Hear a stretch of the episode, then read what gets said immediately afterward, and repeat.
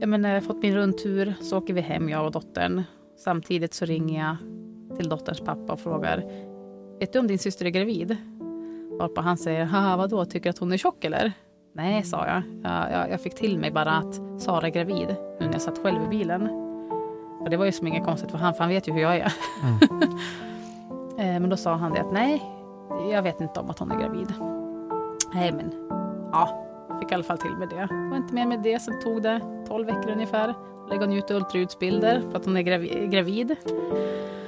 Och då sitter jag och räknar ut att mycket riktigt så var hon gravid när jag fick den här informationen.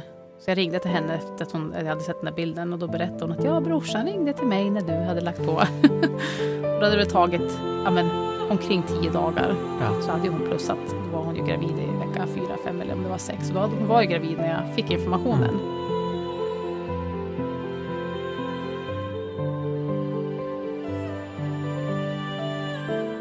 Hejsan svejsan, du har snubblat in på podcasten Samtal i min husbil. I det här avsnittet får vi lyssna på Evelina Elvstål från Östersund. För många kommer det här vara ett nyttigt avsnitt som breddar vårt perspektiv på världen. Det här avsnittet handlar inte om att inte hålla med eller att hålla med. Utan det handlar snarare om att tillåta sig att få en inblick i en världsåskådning som inte påminner om det vanliga synsättet. Att bredda sitt perspektiv, att öppna upp sig för att det kanske finns en värld som jag inte känner till.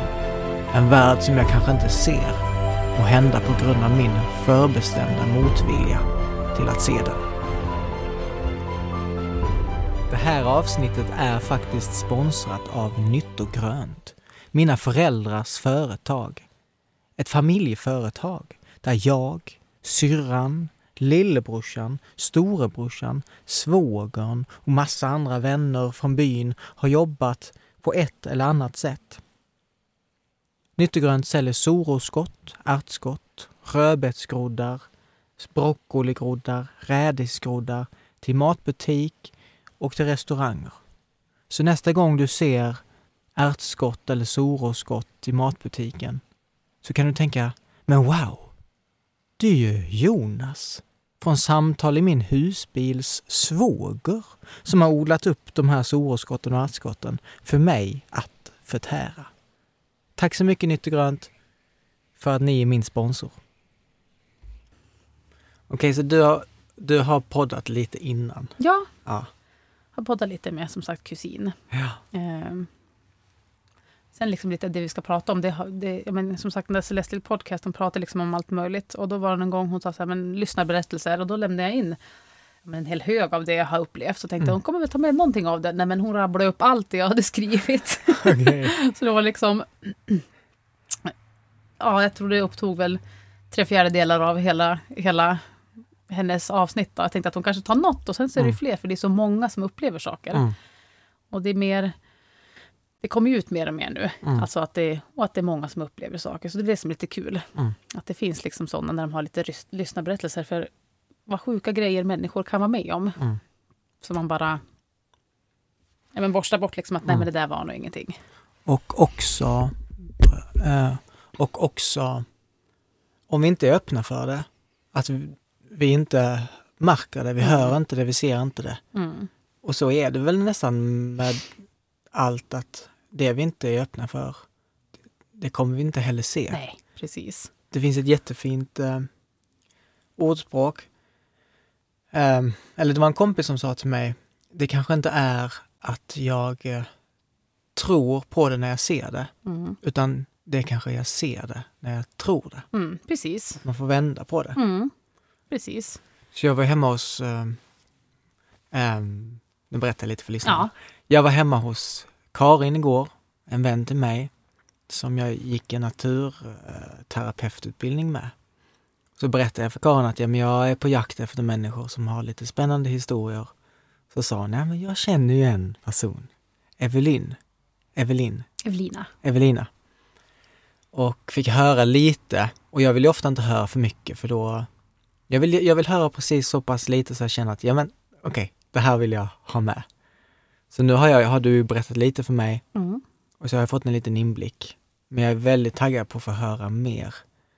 Och jag, är, ins, förstått att du har fått vara med om en del grejer Mm. och upplevt saker som för många kanske ehm, kan kännas väldigt, väldigt långt bort. Mm. Ehm, och för mig också har känts länge, känts som en värld som är långt bort från min egen. Mm. Men ju mer jag öppnar mig, desto mer känner jag att de här eh, vinklarna, synsätten på världen också kommer in i mitt liv. Mm. Så ja, jag är taggad på att få höra mer om ditt liv och saker som du har fått vara med om. Eh, Men just från när jag var liten minns jag inte så mycket. Jag tror att jag har upplevt mer, men att jag har stängt ner ganska mycket då. Mm. Men sen vet jag, som sagt, vi är uppvuxna i Norrviken. Det är därifrån jag känner Karin, som sagt, som du Mm. gick utbildningen med. Eh, och på våran gård där, som jag är uppvuxen på, det var vid ett tillfälle efter att min farfar hade gått bort. Eh, och han hade en liten ja, men unik doft. Mm. Eh, vi hade ju inga saker kvar efter han. Alltså inga kläder eller någonting som kan ge ifrån sig dofter. Men jag kom hem från skolan och kommer in genom ytterdörren och så känner jag den här doften. Så jag följer ju den såklart. Jag har varit väldigt nyfiken. Så jag följer den här och går liksom dit doften tar slut. Och tänker att men, ja, det luktar ju farfar men han lever ju inte. Han är ju död sedan ett år tillbaka. Och eh, sen går jag och sätter på tvn och kommer tillbaka och då är doften helt borta. Och jag kom ju på då, han... Ja, men min farfar när han var inne hos oss i vårt hus, vi är uppvuxen på samma gård. Då gick han alltid bara, han gick innanför dörren, gick upp och satt och drack kaffe. Och så gick han ut. Han gick inte omkring i hela huset för han tyckte att det var... Det var ju vårt hem. Mm. Han, alltså han, han bodde, vi bodde på samma gård men han... Det var bara den där rutten så att just den rutten han alltid gick hem hos oss, där kände jag hans doft. Mm. Och sen försvann den. Så att jag, jag får, jag, nu i efterhand blir jag så här, men han visade bara att han var där. Mm. Så enkelt var det. och sen, jag tror ju mycket på ja, men väsen och sånt där. Folk tror, vet du. Vättar och småfolk och allt sånt där. Mm. Och jag är uppvuxen på en gård och som sagt vi hade massa djur. Jag hade två egna hästar. Eh, och det var jag som tog hand om dem in och ut och mocka och allting. Det var jag som ville ha, det var jag som hade ansvar. Och ja, väldigt ofta så när jag kommer på morgonen så står mina två hästar med flätor i både man och svans. Och det är ingenting, alltså när hästarna rör sig i boxarna, de är ganska små så att de kan inte få till en fläta i sin man och svans. Så jag förstod att någonting hade jag där. Och jag tyckte det var jätteobehagligt att gå förbi en trapp eller en steg upp till vinden där vi hade höet och det. Jag tyckte det var jätteolustigt jämt så jag sa vi har, jag har vättar på loftet, eller tomtar på loftet. Mm. Bokstavligen. Och det var jämt. Alltså, vissa dagar kunde det vara en, en fin fläta som jag har gjort så att den är så jättenoga. Och vissa gånger kunde det vara som att det var i all hast liksom att oj nu kommer hon så nu måste vi skynda oss och slänga ihop en fläta här. Och det var ingen annan som kunde ha gjort det. Det är ju familjen då men de var aldrig ute hästarna utan det var mitt ansvar. Ja. Så om inte jag var borta så var inte de dit. Det var bara jag. Mm. Inte ens min farmor men med farmor, vi har ju som i släkten där farmors mor tror jag det är, hon såg ju också tomtar, eller vättar. Hon kunde se små tomtarna springa omkring och hon förklarade precis hur de såg ut. Röd luva, eh, gråa byxor och jag menar vad det var för färg liksom upp till. Och på den tiden så kunde de väl tycka att de var knäppa men även då, liksom, då var det nog lite mer accepterat och man trodde på småfolk och vättar och allt vad det var nu då. Nej, men så att, eh, jag vet att jag har haft tomtar på loftet där. Mm. Det var jätte, alltså var varje, nästan varje dag som de hade flätor. Och vad häftigt alltså. Men sen så tror jag inte jag har... Jag har säkert upplevt mycket mer däremellan. Men inte som jag riktigt kan komma på. Men sen började det vart än mer när jag har varit gravid. Men jag tänkte, ehm, kunde det vara läskigt för dig eh, att, att, de, de här, att det plötsligt var en fläta på? Mm, Det var också läskigt? det var väldigt alltså, olustigt. Det var, alltså, man, man, det var läskigt att vara själv inne i stallet. Ja. Men jag var ju det i alla fall. Men jag Mm. hade ju mina hästar där också. Jag gjorde jättemycket med dem när de var där i stallet med mig. Och de var min trygghet. Mm. Och de säger ju även det att djur är väldigt känslig för energier och allt vad det är. Mm. Ehm, och de var ju aldrig rädd. Så känner att det är ingenting att vara rädd för. Mm. Men det är just det här när man inte riktigt kan se eller ta på det så är det olustigt. Mm. Lite läskigt. Men ändå skönt att få ha en eh, äldre person som kunde förklara Mm. för dig. Mm. Och som inte bara viftar bort det kanske Nej, precis. och sa att det var en osanning. Precis. Det är ju som sagt, alltså, har varit väldigt viktigt. Och sen har jag trott lite mer på det i och med att men nu när jag jobbar i, jag jobbar i hemtjänsten här i Årviken. Så jag tar hand om många av våra äldre. Mm. Och där är jag också väldigt uppe. Jag kan prata om sånt här bara random med dem. Och de tycker inte att jag är konstig. Men jag kom ju hem till en tant var det och frågade liksom om hon trodde på sånt där. Och då berättade hon en upplevelse hon hade haft som jag tyckte var jättehäftig. Mm. Eh, så när hon var ung så att de bott, det var ja, men, granngårds där hon bor nu. Då bodde hon längst uppe i skogen och en vän till henne bodde nere mot sjön i den här byn. Så de hade en, en, eh, som en grusväg mellan där då. Så på vintern skulle hon kuta ner till sin vän. Varpå hon ser eh, två kortvuxna män med grå luva och grå klädsel. En drog en sån här eh, gammaldags kälke och en stod och puttade på med en mjölkkanna bakifrån liksom. Som hon såg och hon tänkte, men vad är det där jag ser? Sen så är det som att trycka på en knapp så bara försvann de i tomma intet. Och det där har inte hon berättat för så många. För hon var liksom rädd för att hon skulle bli kallad för att vara knäpp. Mm. Men jag sa, nej men jag tror på dig. Jag liksom har varit med om saker själv. Och då kände jag liksom att då fick jag ändå en bekräftelse av den där berättelsen. Att eh, ja, men det jag var med om, det var faktiskt, det hände på riktigt. Just Bara när jag fick höra det där av henne också. Och det var, det var liksom viktigt. Ja men skönt för en själv att få, få det bekräftat. Och kanske jobbigt att leva i den ovissheten. Men är det bara jag som inbillar mig eller, eh, eller är det på riktigt? Mm. Mm. Ja, det är superhäftigt. Um, men sen tror jag att det har varit ganska lugnt. Ehm, eller det är ingenting jag kan lägga på minnet. Jag har varit med om någonting ifrån då. Då, då kan jag väl kanske ha varit ja, men allt från omkring 15-16 ungefär upp till att jag varit gravid med första dottern. Då. Mm. Eh, då var jag 24 år. Men då är det som att då verkar jag vara väldigt mottaglig för det övernaturliga. Mm. För då upplevde jag väldigt mycket. Min dåvarande sambo eh, la asfalt och han eh, jobbade natt då och la asfalt på E14 här då i Östersund. Eh, så jag var själv på nätterna.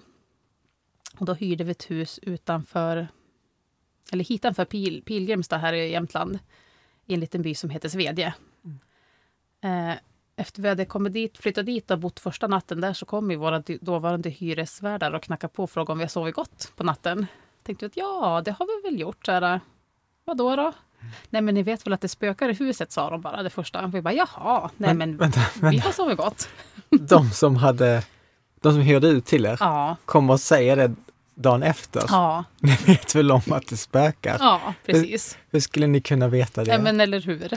De tänkte kanske att ja, men om det kanske hade hänt något första natten, men det var liksom, vi hade ju inte märkt någonting. Mm. Men det var ingenting jag liksom gick och hade i bakhuvudet heller sen i alla fall. Mm. Inte förrän jag... ska vi se, han jobbade i natt då, eh, eh, exet. Och jag var ganska höggravid. Och så hade de kommit hyresvärdarna någon dag innan och sagt nu ska vi bort. Vi kommer tillbaka, men säger vi, natten mot fredag eller fredag morgon. Mm. Okej, som sagt, det var ju inte mer med det. Och sen så är det på, ja men jag hade ju, jag var som sagt höggravid. Så jag hade väldigt svårt att hitta de sköna sovställningar och så. Ja, så låg jag i sängen och jag känner liksom hur, någon, hur det trycks ner vid fotändan. Som att någon sätter sig där. Mm. Jag vände mig såklart om och tittade och tänkte att ja, men han kanske kom hem sambo nu. Att jag är liksom lite trött och inte är helt med. Men det var ingen där. Och han hade inte kommit hem. Ja, det var inte så mycket mer med det. Och sen så hör jag hur någon, eller hur två stycken, en man och en kvinna, står och pratar utanför huset. Alltså jag hör att de pratar, jag hör inte vad de säger, jag hör mumlet mellan att- man och kvinna. Och eh, tänker att ja, men nu har ju de kommit hem, hyresvärdarna. Mm. För de har ett garage lite ovanför vårt hus. Ja, jag somnar till slut på natten och sen så kommer sambon hem och han fortsätter sova och så kommer hyresvärden och knackade på och sa att nu har vi kommit hem. Jag sa, ja, men jag hörde att ni kom hem en natt. Nej, vi kom alldeles nyss hem. Jaha, sa jag, men jag hörde ju att det var en man och en kvinna som stod och pratade ut, så jag trodde det var ni. Då var de liksom så här, ja, vad var det vi sa? det spökar här. Oj. Eh, Så det var inte dem jag hörde. Och sen kom jag att tänka på hur skulle jag kunna höra dem genom husväggen. För det första så hade vi, hade vi en carport för våra två bilar. Och ovanför där var deras garage som är byggt i betong. Så när de står i garaget ska jag omöjligt kunna höra vad de att, Eller jag ska inte ens kunna höra att de är där och pratar. Ehm, och sen då.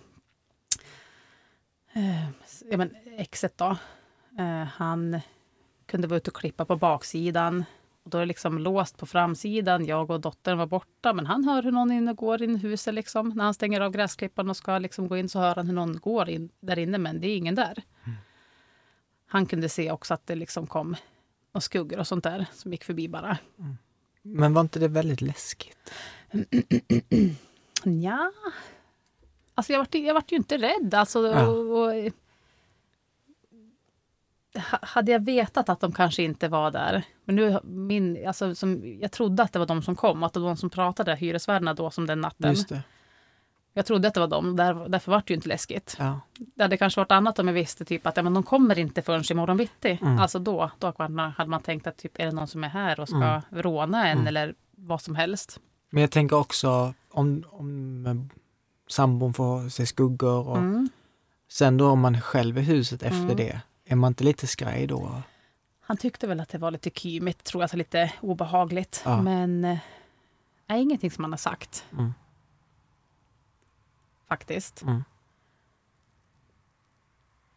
Men, Har du ofta fått dividera så här, men är det eh, energier och väsen eller är det jag som får för mig grejer? Mm. Jo, men jag tror ju på så, allt sånt här, har jag alltid gjort. Mm. Ändå försöker jag hitta logiska förklaringar. Mm. Just för att a- allt behöver ju inte vara övernaturligt. Mm. Men det mesta är ju det. Men eh, allt började väl som sagt riktigt också när min kusin gjorde en sån här reconnection healing som det heter. Då började hända mer saker för mig också. Mm. Och hon har jag varit ateist hela sitt liv. Mm. Men sen så fick hon ju verkligen eh, se att det var inte bara liksom vi, utan det finns energier omkring oss överallt och väsen. Hon gjorde någon, vad heter det, Reconnection healing. re-healing. Och det är att man lagar någonting liksom i oss själva på något vis. Mm. Jag är inte helt hundra liksom på vad det är hon gör, men hon, man som lagar någonting eh, inom sig, energimässigt tror jag det är. Mm. Eh, så hon har väl egentligen haft den här förmågan hela livet, bara det att hon har också alltså stött bort den, eller stängt, stängt ner. Kanske blivit rädd eller fått höra att det där finns inte. Jag tror ju väldigt mycket att alla vi människor eh, har den här förmågan att få information på olika vis. Vissa kan höra, vissa kan se, vissa kan känna. Eh, men det är bara det att det, vi- vi har stängt ner för det. Mm. Just bara inte liksom hela samhället, liksom, kollektivet, Mm. tror jag är så. Vi måste vara mer öppna för jag tror alla har förmågan. Mm. Det är inte vi som, det är inte vår fantasi som spelar oss ett spratt. Vi får information. Mm. Bara det att vi måste validera det. Det känns ju som i alla kulturer bak i tiden Mm. så har det här eh, energier och väsen och det övernaturliga funnits med. Mm. Ehm, men som du säger att det har försvunnit bort från vår tid. Eller det Mm. kanske inte har försvunnit men vår förmåga att uppleva det, Mm. se det. Och någon säger att så är det inte. Mm. Och då går vi och tror det istället. Mm. Och det blir våran sanning. Istället för att sanningen är egentligen helt annat. Mm.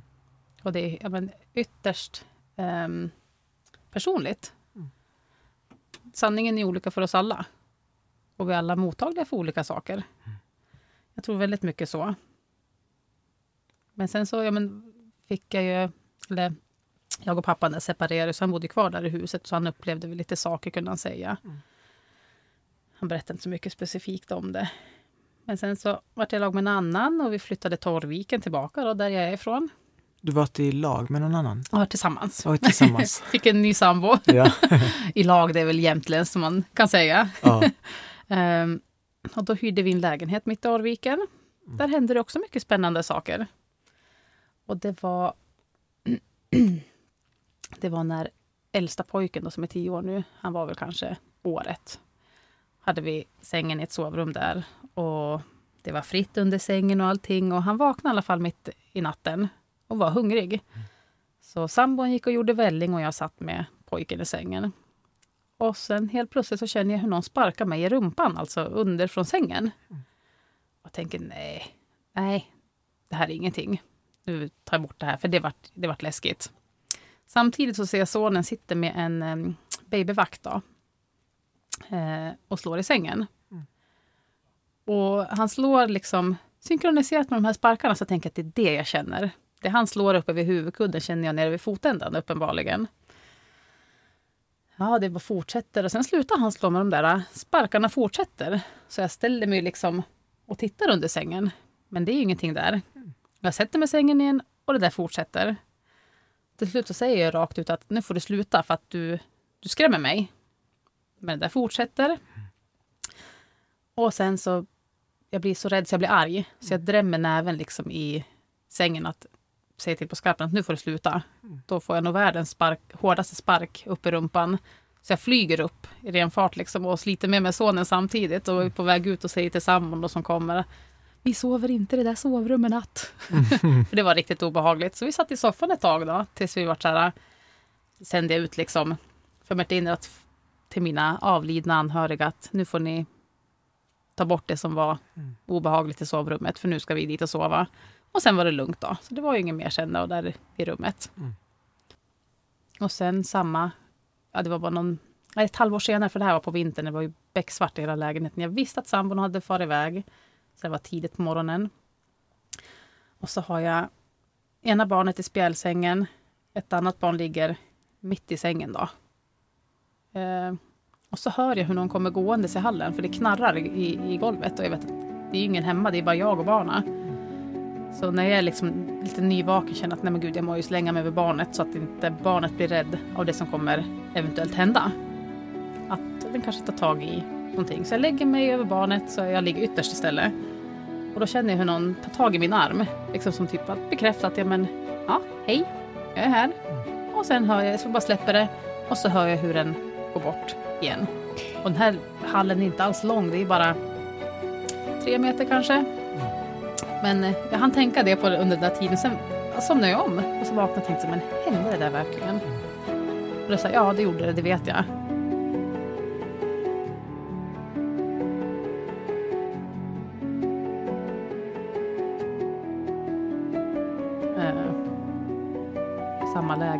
Lägenhet så min äldsta son vaknade liksom på natten och sa Åh, barnen vill leka med mig mamma. Jag, jag, ja, men då tyckte jag också det var obehagligt. Jag tänkte, vilka barn? Mm. Det fanns ju inga barn förutom han och hans stora syster som låg och sov på överslafen. Men barnen där vid fönstret. Och så tittade jag dit, men jag ser inga barn. Den där jag ser liksom på gardinerna så är det änglar på gardinerna. Så jag tänkte, bara för att stilla mitt, eh, min, min oro liksom, så sa jag, jag tänkte, ja men det är änglarna som han ser på gardinen. Mm. Men efter en stund så somnade han ju om det och sa, men de där barnen får leka med imorgon. Du kan inte leka nu, för nu är det mitt i natten. Um, och uh, ja, men vi somnade om. Men jag vet ju självklart att han såg nog säkert barn där. Mm. Bara att jag såg dem inte. Jag var inte uppe när jag kanske var rädd och då var jag inte mottaglig för att se det han kunde se. Mm. Um, för jag trodde att barn, de är de har den här förmågan. Tills att vi säger att saker och ting inte finns. Mm. Och då tror jag att man stänger ner. Varpå jag är väldigt noga med att vara öppen med det här med mina barn. Eh, att de ska liksom värna om de här kunskaperna de har. Men att jag förstår att de kan bli rädd för att man inte ser vad det är som vill försöka få ens uppmärksamhet. Eh, men då kan man istället säga att nu får ni gå härifrån för ni skrämmer mig. Mm. Liksom, det här är nat så naturligt. Jag tror vi kan få kontakt med vad som helst egentligen. För du, har, du har aldrig känt att det har varit hotfullt direkt? En gång. Ah. Och det, det, då hände det liksom i, i huset som vi bor nu. Okay. Men det tar jag snart. Jag, jag har några andra, för ja. nu är vi i lägenheten här då, där vi bodde. Vi ja. har bott på tre olika ställen i den här byn nu. Mm. Uh, Men en fråga innan mm. dess. Men det känns som, uh,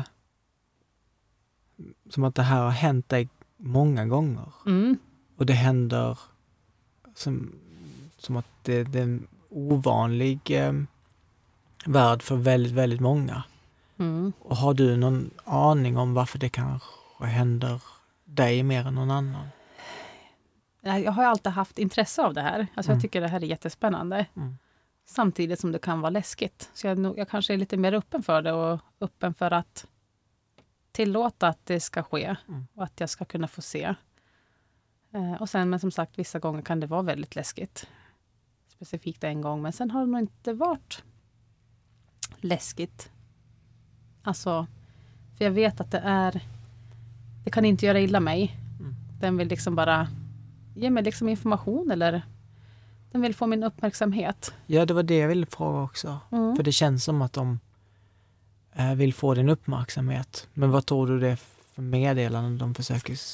Vad vill de, varför vill de ha din uppmärksamhet? Mest troligtvis för att jag ska kunna förmedla någonting till den den vill komma i kontakt med. Okej. Men det att jag, jag, jag känner att jag besitter inte den förmågan riktigt än. Mm. Jag håller på att träna upp för sånt faktiskt. Jag har ju som sagt en spirituell coach. Mm. ehm, som hjälper mig väldigt mycket med sånt här.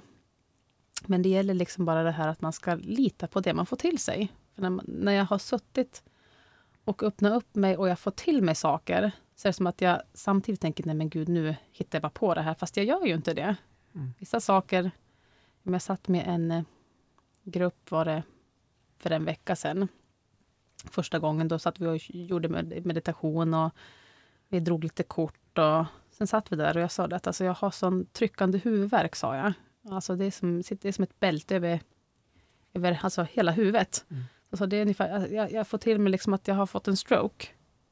Och så, så att sen att jag fick till mig en kvinna, numret 81, så var liksom antingen att den här kanske fick diagnosen 81, dog 81 eller var 81 ett år när den dog. 81 eller 8 januari kanske den var född eller att någonting hände 8 januari som är signifikant.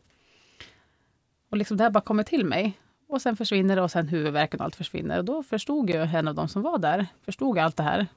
Så det liksom, då fick jag ju liksom bekräftat att allt jag fick till mig, det, det var ingenting jag satt och hittade på.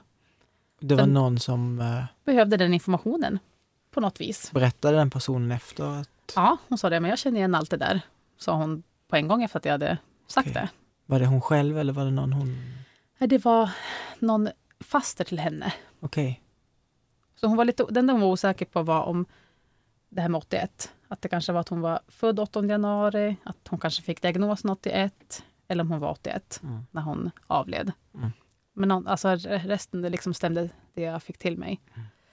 Så det är det liksom, man ska lita på det man får till sig, för man sitter inte och hittar på. Mm. Och det är sånt som är spännande. Liksom. Och jag tränar på det för jag tycker det här är jättekul. Det här skulle jag gärna jobba med. Mm.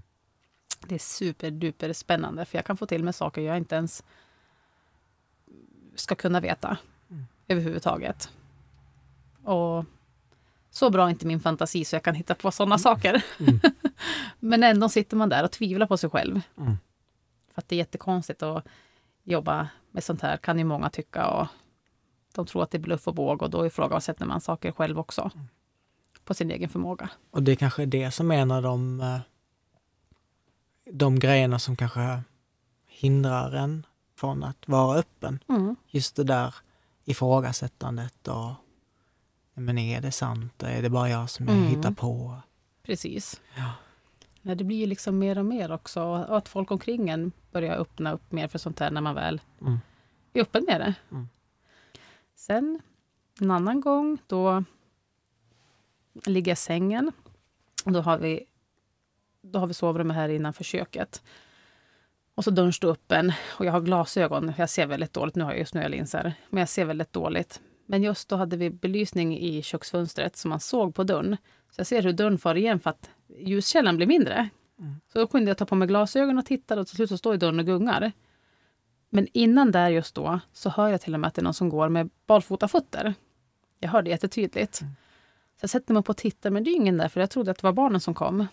Så tänkte jag så här, "Åh, nu har jag någon energi här igen. så ringer kusin igen och det här är mitt i natten och hon är Alltså hon lägger sig och sover tidigt men då hade hon visst främmande den natten. Mm. Eh, så att hon var vaken. Eh, Så hon öppnade upp och så och kände efter liksom och så hon sa det att ja, men det är farfar som är och hälsar på. Och då blev jag så här, ja det är väl klart det är det. Han gick alltid barfota, sommar som vinter. Han gick barfota ute på snön. Mm. Och det var hans barfotafötter jag hörde liksom. Så att det, det kändes tryggt Mm. att han var där liksom. Jag måste bara få säga en sak. Mm. Eh, nu när jag sitter och lyssnar på dig Mm. så kan jag inte hålla mig från att säga att jag känner en känsla i mig Mm.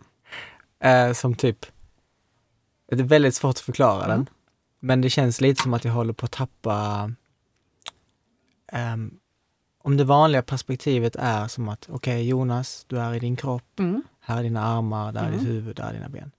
Men det känns lite som att jag tappar det perspektivet. Mm. Ehm, och jag får ganska mycket tryck typ på huvudet. Mm.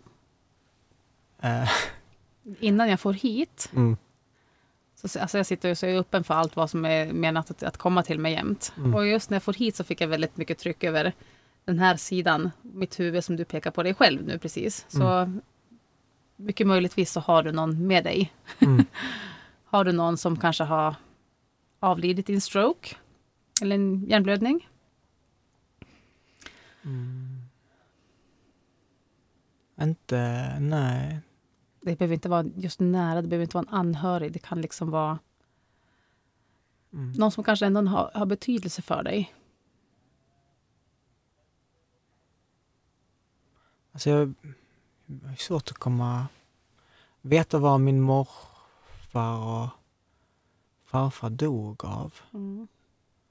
Eh, Men jag tror inte det var någonting med huvudet. Mm. Det kan ju lika gärna kanske vara liksom att man kanske haft en tumör eller någonting också. Något, något tryck över Ja. huvudet i alla fall. Ja. Ha det liksom lite i åtanke så får vi se om det kanske nå kommer till oss något mer. Mm. För bara För- man sätter sig liksom sen och bara är öppen för Mm. vad, vad som kommer till. Du kanske känner, själv känner att ja, men, det är något manligt. Kanske kommer något år, någon Mm. bokstav, något minne, liksom. Mm. Vad som helst. Jag ville säga det för eh, att det var en känsla som... Alltså jag har mediterat mycket i mina Mm. dagar Mm. och upplevt lite så här känsla att jag eh, tappar... eh, Att jag lämnar kroppen lite Mm. sådär. Fast det här var en annan känsla. Mm. Där jag kände just också tryck och att jag... Ja, men, inte den behagligaste känslan. Nej. Utan det var lite som att det var lite tungt över mig. Ja. Men mest troligtvis så är det väl, du har säkert någon energi med dig Ja. som vill ge sig till känna. Mm. Kanske att det var det här man dog av eller att man fick alltså en stroke kanske. Mm. Men att man dog av något helt annat sen. Så att det här liksom, någon, den, den vill ge dig information så du ska kunna relatera till någonting kanske. Mm. Sen kan det vara kanske, det kanske inte alls är till dig, utan du kanske får information som du ska ge mig Mm. om någon.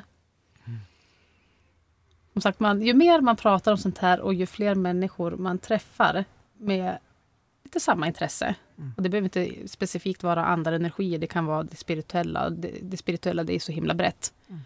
Ju mer man integrerar med andra människor av, med samma intresse, desto mer kommer till en och man blir mer öppen för saker. Jag har en vän, jag måste bara få berätta Mm. detta, som eh, pratade med en annan vän i telefon och, och hennes, hennes vän var väldigt ledsen. Mm. Och min kompis då får till sig ordet småsten. Och så här, äh, men va? Småsten? Va? Vad konstigt, varför ska jag säga det? Mm. Tror jag hon får till sig det igen som småsten. Så säger hon till sin kompis, du, jag måste bara säga detta, men eh, jag ska säga ordet småsten till dig. Mm. Och hennes kompis bara... Liksom, eh, jag vet inte vilket ord jag ska använda mig av men nästan bryter ihop Mm. i tårar. Mm. För att det berörde henne så mycket. Hon visste inte själv heller vad det var. Nej. Men det var någonting med det där ordet. Mm.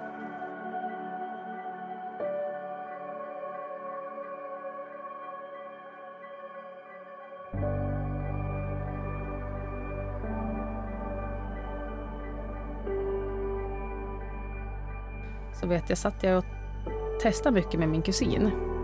Och vi provade olika saker. Mm. Och då sa han det att ja, men, jag började också meditera ganska mycket där och då. Sen för, hon sa det, försök att hamna så du verkligen är här och nu. Var så här och nu du bara kan. Och sen visualiserar du dig att du står på din farstu. Till huset vi bodde då. till slut så vet jag verkligen att jag, jag, jag, jag känner liksom att jag sitter i köket och känner liksom att men nu står jag på farstun. Det var jättesoligt, jättefint. Sen står det en, ta, en tant framför mig. Eller ja, vad kan hon ha varit i 50-, 60-årsåldern? Och hon står och tittar på mig och bara ler och är så här bara varm. Hela henne, hon utstrålar värme och kärlek. Jag tänker, jag har aldrig sett dig. Jag har inte träffat dig. Hon är liksom mörkhårig med lite vågigt hår. Jättefint ansikte, fint leende. Till slut så kommer hon som står liksom framför mig så här eh, på farsen och tänker men nej, alltså vem är du? Men hon utstrålar bara värme och kärlek liksom och stolthet. Mm. Jag tänkte så, ja, ja. Och sen kom jag tillbaka och tänkte jag bara förklara för min kusin liksom vad jag såg. Och sen så efter ett tag så tänker jag på det och sätter mig och pratar med mamma då och inser att det var ju mormor. Mormor har jag aldrig träffat för hon dog när min äldsta bror var, var han sju. Hon dog i alla fall året innan min stora syster föddes. Så det var min storebror som har träffat henne. Och när jag ser bilder på henne så ser jag att det var ju hon jag såg. Jag hade träffat henne. Mm. Så det var, det var väldigt häftigt. Mm. Just bara av att vara här och nu, vad det liksom kan mm. få fram fina saker. Alltså det är ju mer än väldigt häftigt. Mm. Det är ju eh, livsomvälvande. Ja, gud ja. Att få uppleva en sån grej. Mm. För det förändrar ju, nu har ju du varit med om sånt innan, mm. men jag tänker bara ur mitt perspektiv, skulle jag få vara med om en sån grej, det skulle ändra hela min syn på mm. världen. Um, ja. Men alltså det är superhäftigt. Och när man är öppen liksom för det och, och testa sig liksom fram. Ja, då, då hade jag testgjort sånt där många gånger innan, så det tog ett tag innan. Liksom. Och jag behövde verkligen ha min kusin som verkligen hade rätt verktyg för att få mig att hamna där, mm. i det liksom, tillståndet. Mm. Um, ja, men sen så var ju hon där, då, min kusin, och hon, för hon får ju till sig väldigt mycket mer än vad jag gör. Och hon fick liksom till sig, hon bara, ja men jag får till mig en man här och hon förklarar mannen, hur han såg ut och hon fick till sig ett namn också. Jag kommer inte ihåg vad det var, men vi säger att eh, Stig, säger vi att han hette. Mm. Och ja, sen var det inte så mycket mer med det. Och så har jag en, en bekant vars farmor och farfar byggde det här huset som vi hyrde då. Så hon är uppvuxen där och de vet ju om alla som har bott där och så. Så då ringer jag till henne och frågar liksom Kan du kolla med dina, din pappa och släkten bakåt om de känner igen det här namnet? Stig. Eh, så hon ringer och kollar, men det var ingenting de kände igen. Mm. Och så sa jag att nej men var det av alltså, vikt så kommer det komma fram på något vis. Det kommer komma till oss. Det tar väl tre veckor så ringer hon. Då är det en kvinna från Stockholm som har ringt. För Johanna heter den här tjej, tjejen då. Eh, som jag känner då. Eh, hon eh, är... Eh, ehm, jag tror hon är ordförande i Diabetesförbundet här i Östersund eller något sånt där. Jag tror det är något sånt. Och då ringde den här kvinnan upp hit för att ehm, skänka pengar då. Som jag förstår det, nu är, jag tror det var så här, jag är inte riktigt helt säker. Men hon kontaktade i alla fall för att den här, hennes pappa hade avlidit så hon ville skänka pengar. Mm. Och då frågade hon liksom, men varför hit? Du bor i Stockholm. Nej men för då hade han bott i Arviken. Mm. Berättade han då. Han och hans vän Stig. Mm.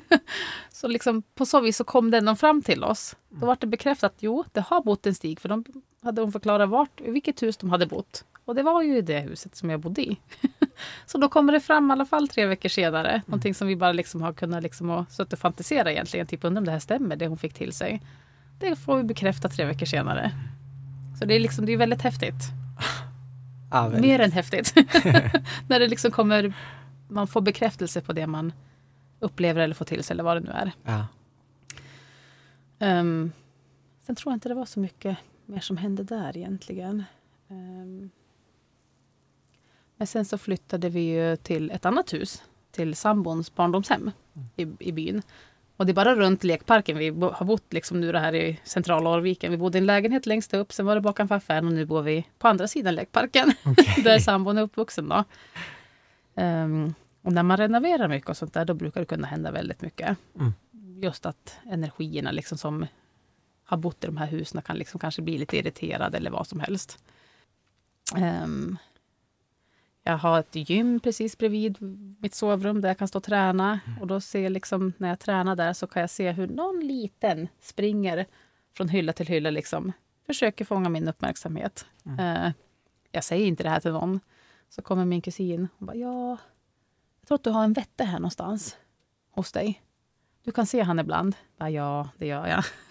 Nere på gymmet. Mm. Så kan jag se. Hon kunde känna det. Ja, hon känner det. Hon känner och ser allt. Hon ser min aura. Hon kan se allting. Mm. Liksom. Hon är superduktig på det här nu. Hon som ateist. Ja. Men det är spännande för de här figurerna finns ju i, eh, i, i filmer och sagor och så. Mm. Så har man ju tänkt att ehm, Ja men, jag vet inte vad jag försöker säga. Men det finns ju förmodligen ehm, människor som har upplevt de här grejerna Ja. långt, långt bak i tiden. Mm.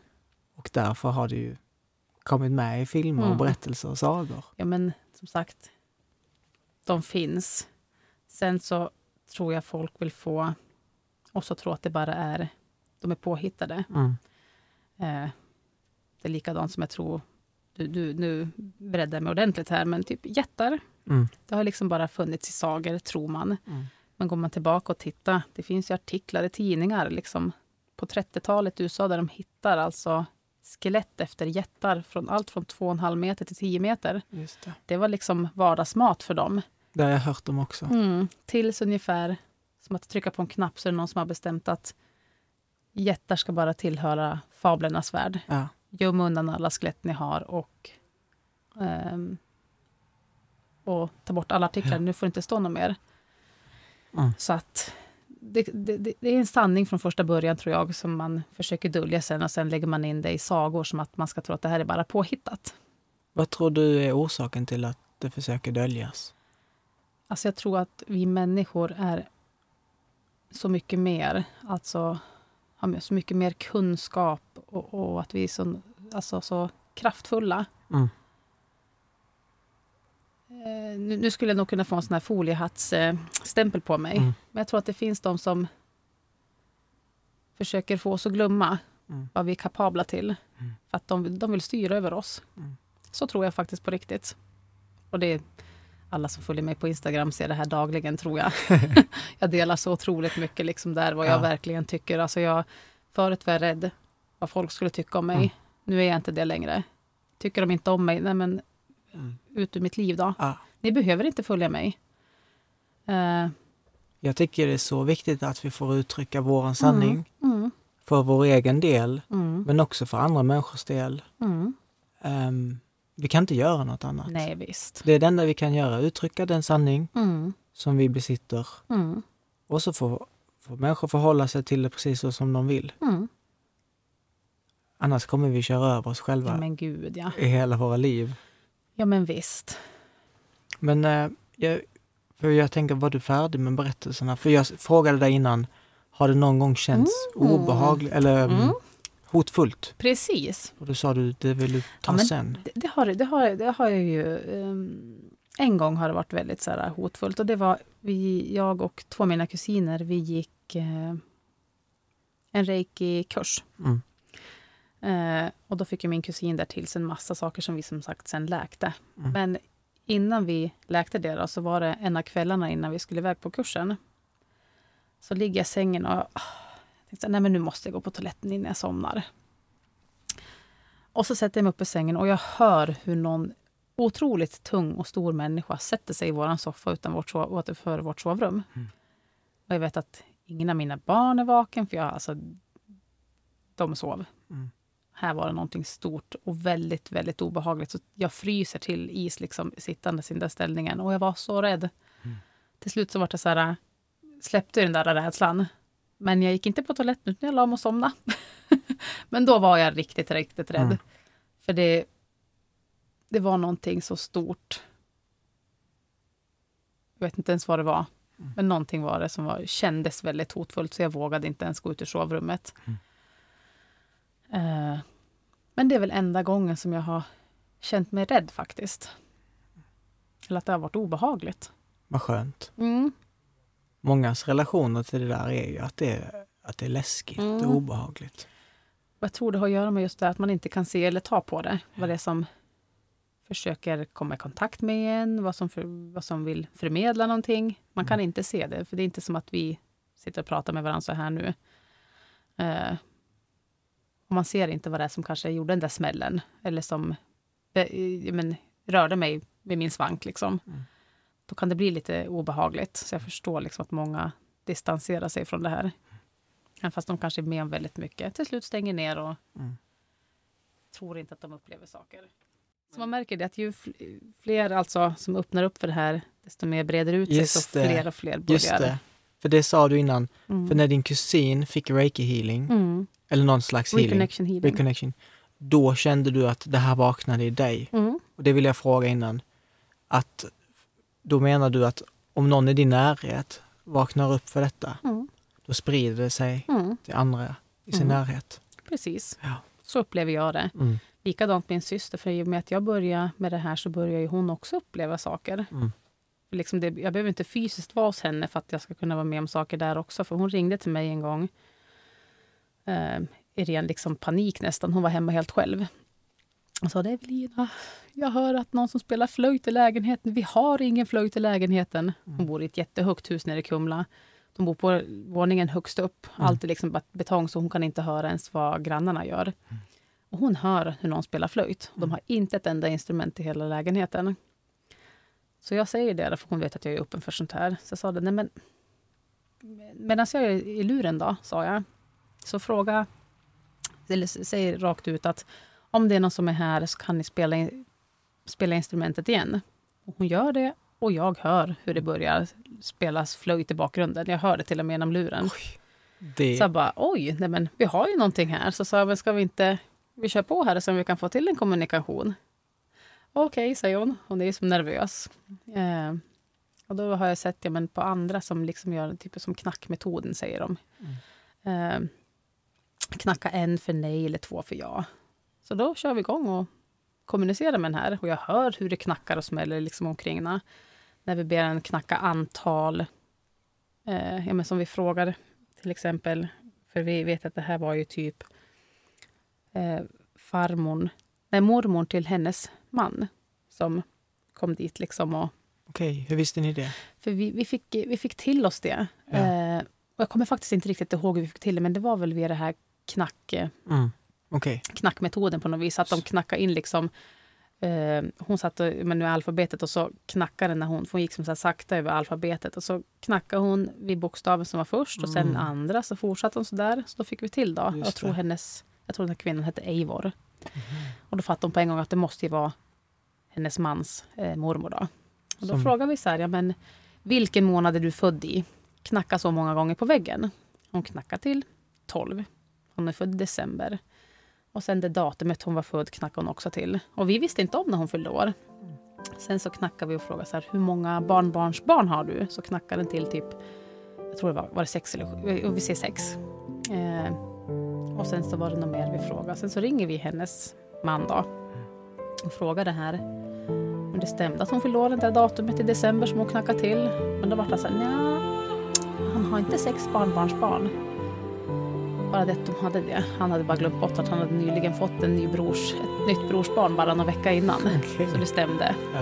Eh, sen så frågade vi liksom även hur många år har min syster och hennes man varit gift. Då knackade den till åtta år fast det, året så skulle de fira nio år, bara det att det var typ ett halvår kvar. Mm. Så det var åtta år och inte nio som de sa först då. Eh, så man kan ju liksom kommunicera med dem på olika vis. Shit vad häftigt. Man behöver inte liksom... Det behöver inte bara vara alltså att man får bilder till sig eller att man känner på något vis eller att de talar till en så. Det kan liksom även vara knackningar sådär.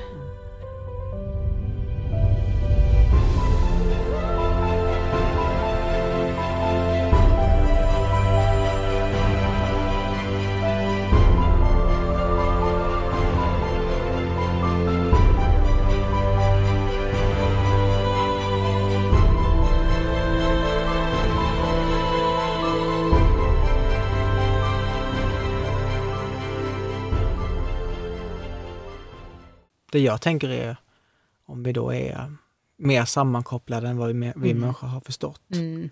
Att det kanske inte är sådär att ah, men nu får du information och du ska göra något med detta. Mm. Utan snarare bara att vi kan känna av eh, varandra. Mm. Att Mm. en del av mitt jag Mm. finns i dig och en del av ditt jag finns i mig. Och att det bara är så att vi kan känna av varandras tillstånd och så. Sen tror jag mycket det här att vi kan gå in i varandras energier så Just också.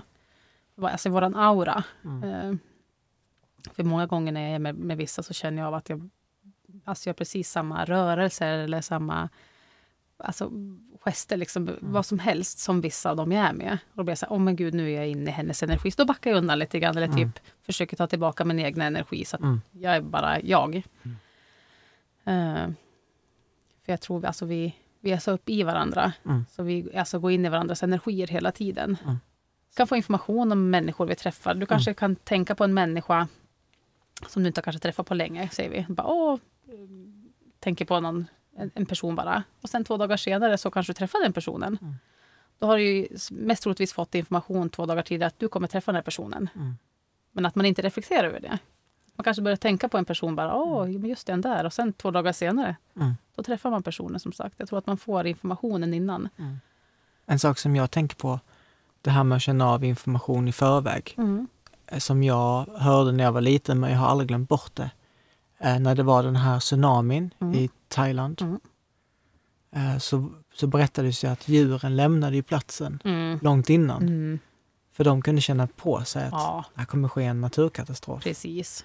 Och om det, om det finns i djuren, Mm. men då finns det ju i oss Det också. finns i oss också, bara det att vi, vi är så frånkopplade det där bara. Ja, Det är det, vi, måste ta, vi måste ta tillbaka det där, liksom, där kunskapen och det Mm. här att lita på oss själva. För det som jag säger, det, man går bara efter på magkänslan när det kommer till allt. mm. Den säger allt liksom. Och då är det ens undermedvetna som liksom ger en signaler, tror jag. Mm. Förklarar liksom. Jag fick en känsla starkt eh, igår och jag har fått den innan också. Mm. Att jag snart ska få träffa Jon Henrik Fjällgren. Ah. Eh, jag, har, Ja. jag har velat det. Mm. Eh, jag har känt att åh, jag skulle så gärna vilja prata med honom. Mm. Och bara en speciell känsla kring det Mm. där. Och sen så igår träffade jag eh, en man som kallas för Parabolbosse Mm. och hans fru Mm. på Norderön. Ja, Nordren ja. Och eh, de, de hade fått träffa eh, um, Jon Henrik. Henrik. Och jag bara kände liksom att ja, jag ska också få träffa honom Mm. snart. Precis. Så jag skickade iväg ett mejl till honom. Ja, gud vad, alltså, vad spännande. Eh, Ja, men liksom, då har du fått information och du kommer. Liksom. Det är som att du manifesterar det också lite grann. Mm. Det du, du, du ser redan att ni träffas och då kommer ni träffas. Mm. Det är liksom manifestation, alltså det funkar på riktigt. Mm. Ehm, jag vet det att en av mina ex manifesterade jag in i mitt liv. ja. Det inser jag nu så här i efterhand. Det gjorde jag inte då när, jag, när det väl var, skedde. Liksom. Mm. Men i efterhand så har jag förstått att jag gjorde det. Mm. När man är helt omedveten om att man gör det, då, då gör man det. Mm. Mm. det, är, det är ganska fascinerande. Men nu, det är så stressigt som det är i samhället, så jag tror inte man, man tar sig inte tiden och liksom verkligen sätter sig ner och försöker Mm. se det man vill ska ske. Mm. För det, det är nog bara det att vi måste se det som att det, redan, att vi redan, att det redan har hänt. Ja, Att vi, är där, att vi som sagt är där redan. det där vill jag fråga dig om. Mm. För den eh, kristna idén om manifestation, det kallas ju för bön. Mm. Så där, Precis. då ber man och så här, Mm.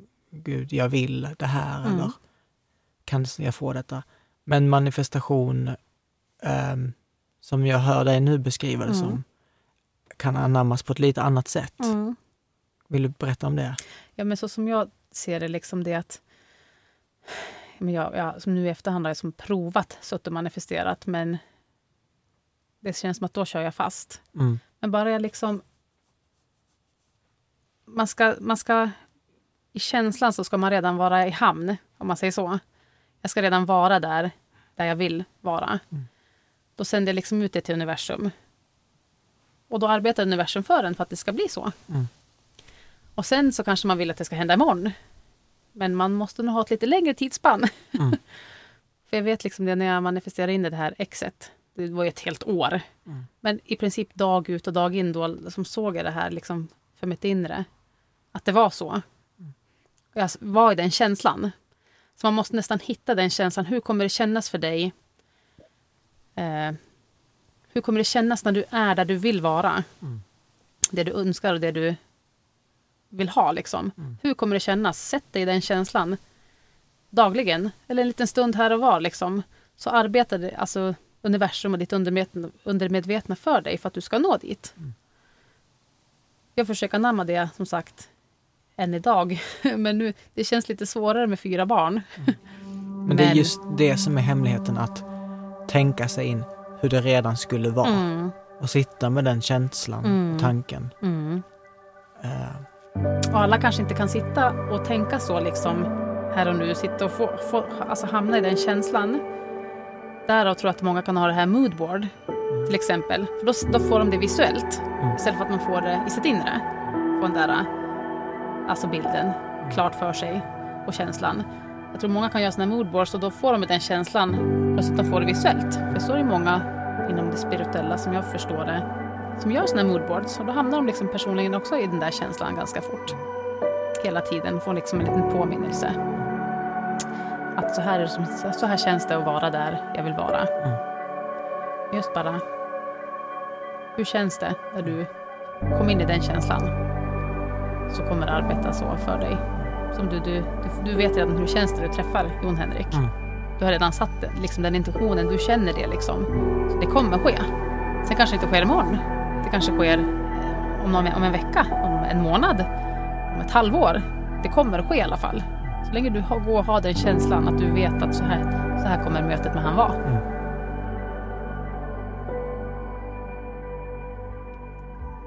Tack så mycket för att du har lyssnat på podcasten Samtal i min husbil. Och tack till Evelina som har delat med sig av sina händelser från livet. Jag fick själv uppleva att det ibland kan vara lite svårt att öppna upp för det okända. Den vetenskapliga ideologin om att endast det som går att väga och mäta existerar är djupt inpräntat i mig. Men jag känner en vilja till att bryta den begränsningen och att öppna upp mig för att det vilar massor av sanningar i det dolda, i det omätbara. Min väg kanske inte kommer se samma ut som för Evelina, men det är precis så det ska vara.